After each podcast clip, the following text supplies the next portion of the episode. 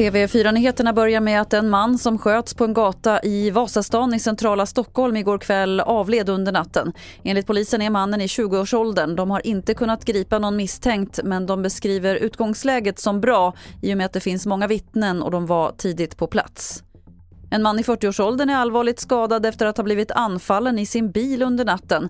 Mannen satt i bilen parkerad i centrala Mörarp i Skåne vid tvåtiden när en eller flera gärningsmän tog sig in i bilen och högg honom med kniv.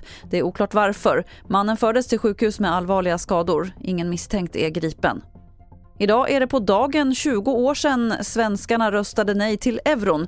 Och idag visar en mätning att de flesta svenskar fortfarande är emot den gemensamma valutan men motståndet minskar.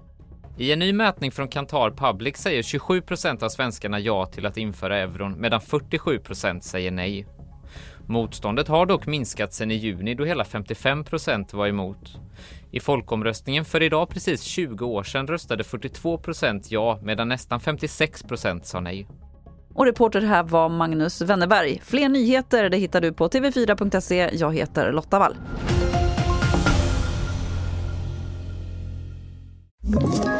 Ett poddtips från Podplay.